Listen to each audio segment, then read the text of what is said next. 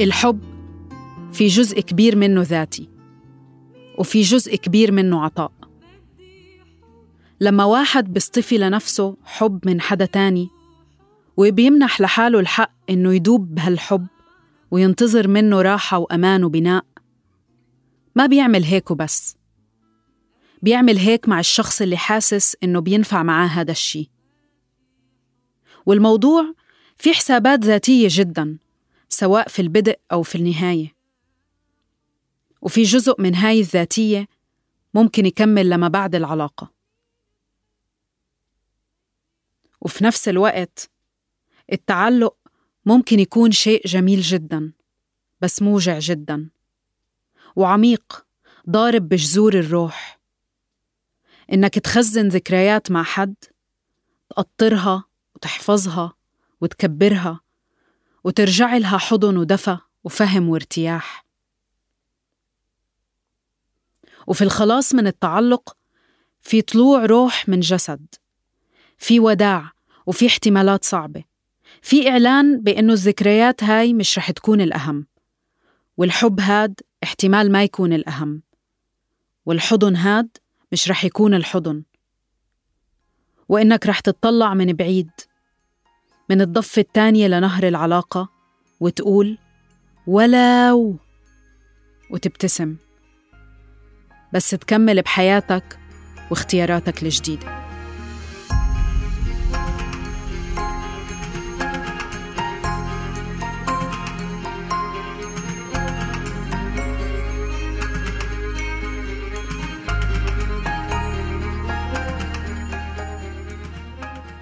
أنا فرح برقاوي.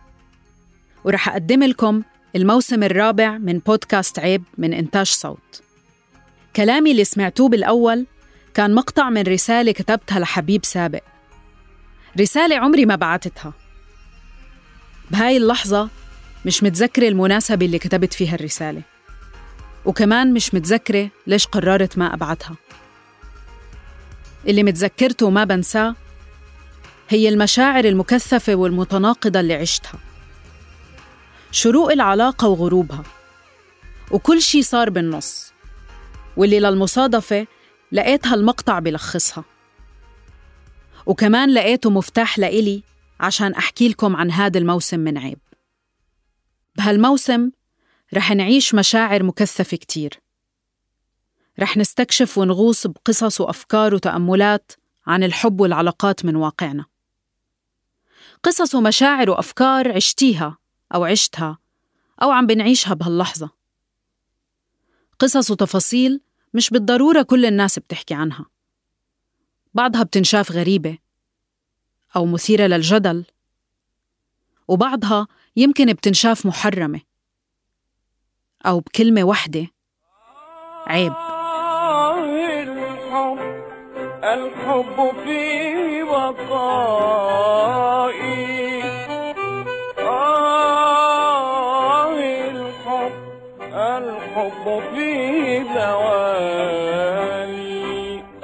بغير غرام جسم لنوح الخالي.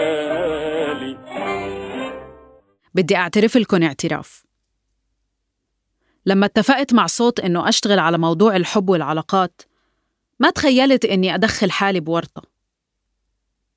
خلوني أسميها ورطة قدرية. يمكن لأنها إجت بوقت حاسة فيه شخصياً بالهشاشة والارتباك تجاه الحب.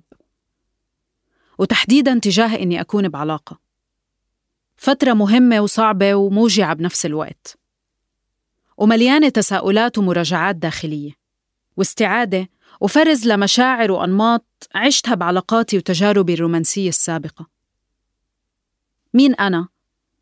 مع مين قادرة أكون؟ وبأي شكل علاقة؟ وقديش قادرة أعطي وقديش قادرة أستقبل ولما خبرت وحدة من صديقاتي عن هالورطة تبسمت لي وقالت لي فرح أنا حاسة إنه هذا بالضبط اللي أنت محتاجيته هلأ. اطلعي برا اللي براسك وقلبك وشوفي شو مخبى عند ناس تانية. اعتبريها جزء من رحلة التعافي. وهيك تورطت. وقلت أورطكم معي برحلة تأمل بالحب والعلاقات. عشان بعرف قديش كلنا بنمرق بشغلات كل الوقت بس قلال كتير اللي بيطلعوا فعلا برا راسهم وبيشاركونا القصص. تعوا نحكي ونسمع بعض ونشوف كيف الناس بتحكي عن علاقاتها.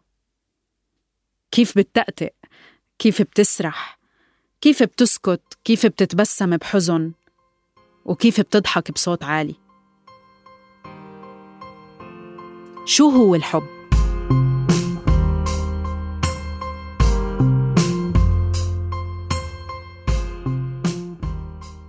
الأحاسيس المرتبطة بالحب موجودة بكل زمان ومكان.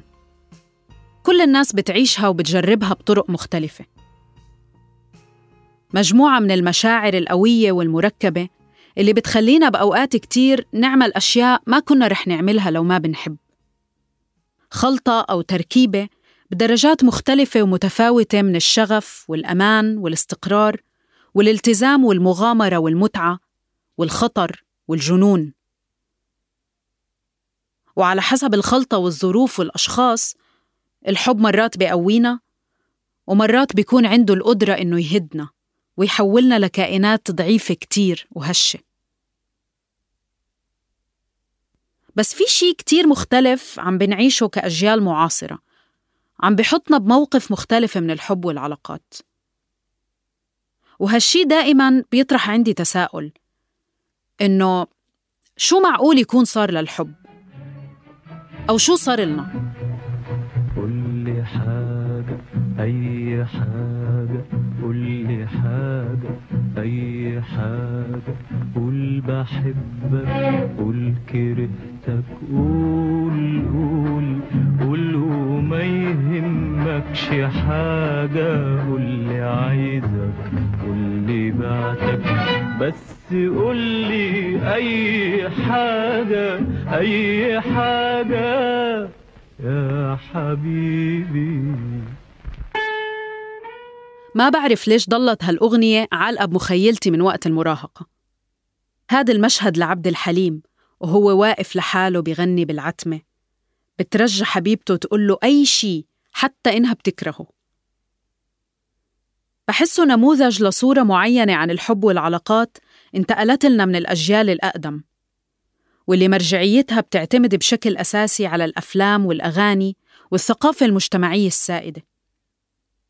صورة محشورة بين الغرام والوعود الرومانسية والالتزام الأبدي أو الهجر والخيانة. صورة شافها بعضنا بتتكسر قدام عيوننا. عشان تجارب وكوارث عملوها أهلنا بعلاقاتهم. وبعضنا عملها بمحاولاتنا الأولى في الحب والارتباط. بس المهم كمان إنه إحنا كأجيال معاصرة عم بنعيش الحياة كلها بشكل مختلف. عم بنعيش انفتاح وتواصل أكبر مع العالم بمعارفه وثقافاته وممارساته المتنوعة. عم نشهد على ثورات وتغيرات سياسية واجتماعية عم تنمو معها تمرداتنا الشخصية على المتوقع والمقدر والمكتوب. شو ما كانت خلفياتنا الاقتصادية والاجتماعية. صرنا نفكر أكتر من منطلق الحرية والاستقلالية. عم نتواصل بشكل مختلف وبنتحرك بشكل مختلف وعم نعبر عن حالنا كمان بشكل مختلف. وهيك مع إنه الحب بضل هو هو كشعور بس ترجمة هالحب لعلاقات اختلفت. لأنه نظرتنا لحياتنا وبالتالي لعلاقاتنا بطلت أمر كتير مسلم فيه. بطل في قالب معين مفروض نعيش في حياتنا. هلأ أكيد مش الكل قادرين يمارسوا قناعاتهم ورغباتهم وخيالاتهم بالحب والعلاقات لأسباب اجتماعية وثقافية واقتصادية مختلفة. وعلى الأغلب ممكن يكون التفكير بالحب نفسه رفاهية إلى حد ما عند كتير ناس. مش عم بيعيشوا نوع من الحرية اللي يسمح لهم إنه يقولوا أنا بحب هذا الشخص وبدي علاقتي فيه تكون عاملة هيك أو بهذا الشكل. بس مثل ما تكسرت الصورة الموروثة عن الحب عدد أكبر وأكبر منا عم يكسروا القوالب النمطية.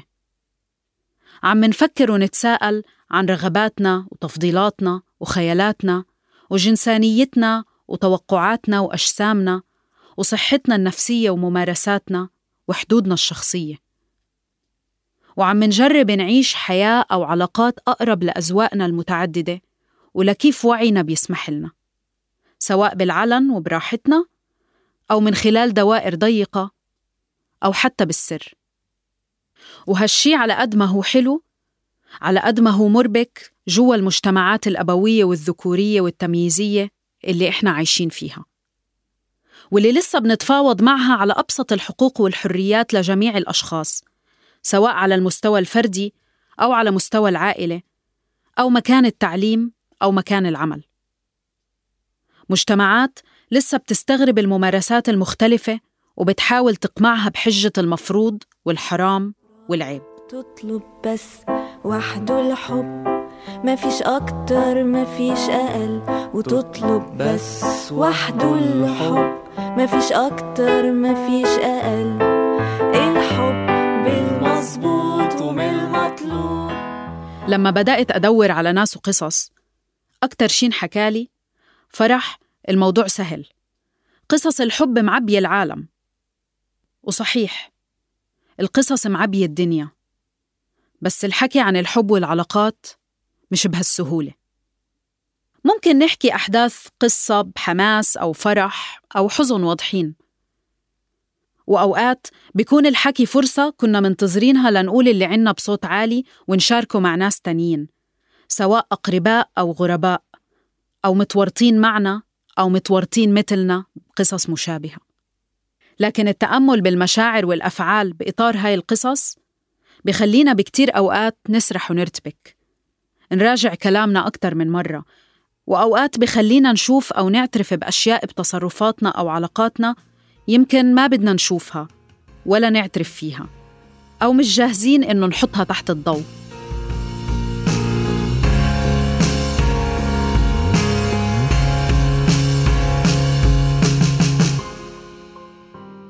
الحكي عن علاقاتنا كمان مرتبط بمين عم يسمعنا. شو تجربتهم؟ وكيف رح يسمعونا ويستقبلونا؟ وهل حيحكموا علينا لو كنا مختلفين عن المألوف شوي أو كتير؟ وأنا بجمع القصص اللي رح أحكي لكم إياها بهالموسم. لقيت حالي عم بتخبط أنا كمان. اكتملت الورطة. يعني من جهة أنا الراوية اللي عم تنقل قصص أشخاص تانيين. ومن جهة تانية أنا الإنسانة اللي ممكن تلاقي حالها بتفاصيل صغيرة أو كبيرة موجودة بهاي القصص. ومن زاوية ثالثة كنت أحياناً الشاهدة على لحظات مراجعة بمسار بعض العلاقات.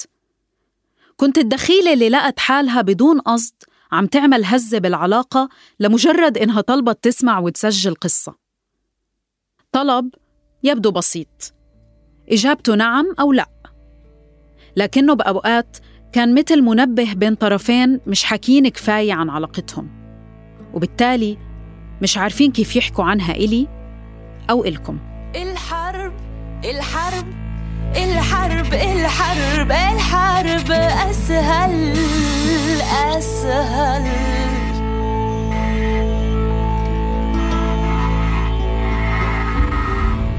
الحب أصعب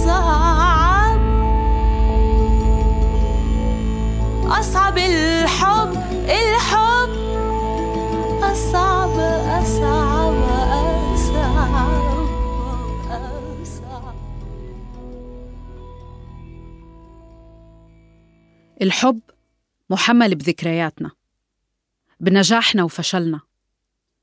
محمل بخيالاتنا البسيطة منها والجامحة. مرتبط بتربيتنا وتجربتنا ونضجنا برغباتنا وميولنا. بشو عنا وشو حابين نعيش ونكون. وبمستوى الحرية اللي قادرين نعيشها أو على الأقل نحارب باستماتة عشانها. هو أكتر شي بيمسكنا وبيشرحنا وبيحطنا بمواجهة مع نفسنا وبيكشف عن هشاشتنا وكمان عن أحلى ما فينا.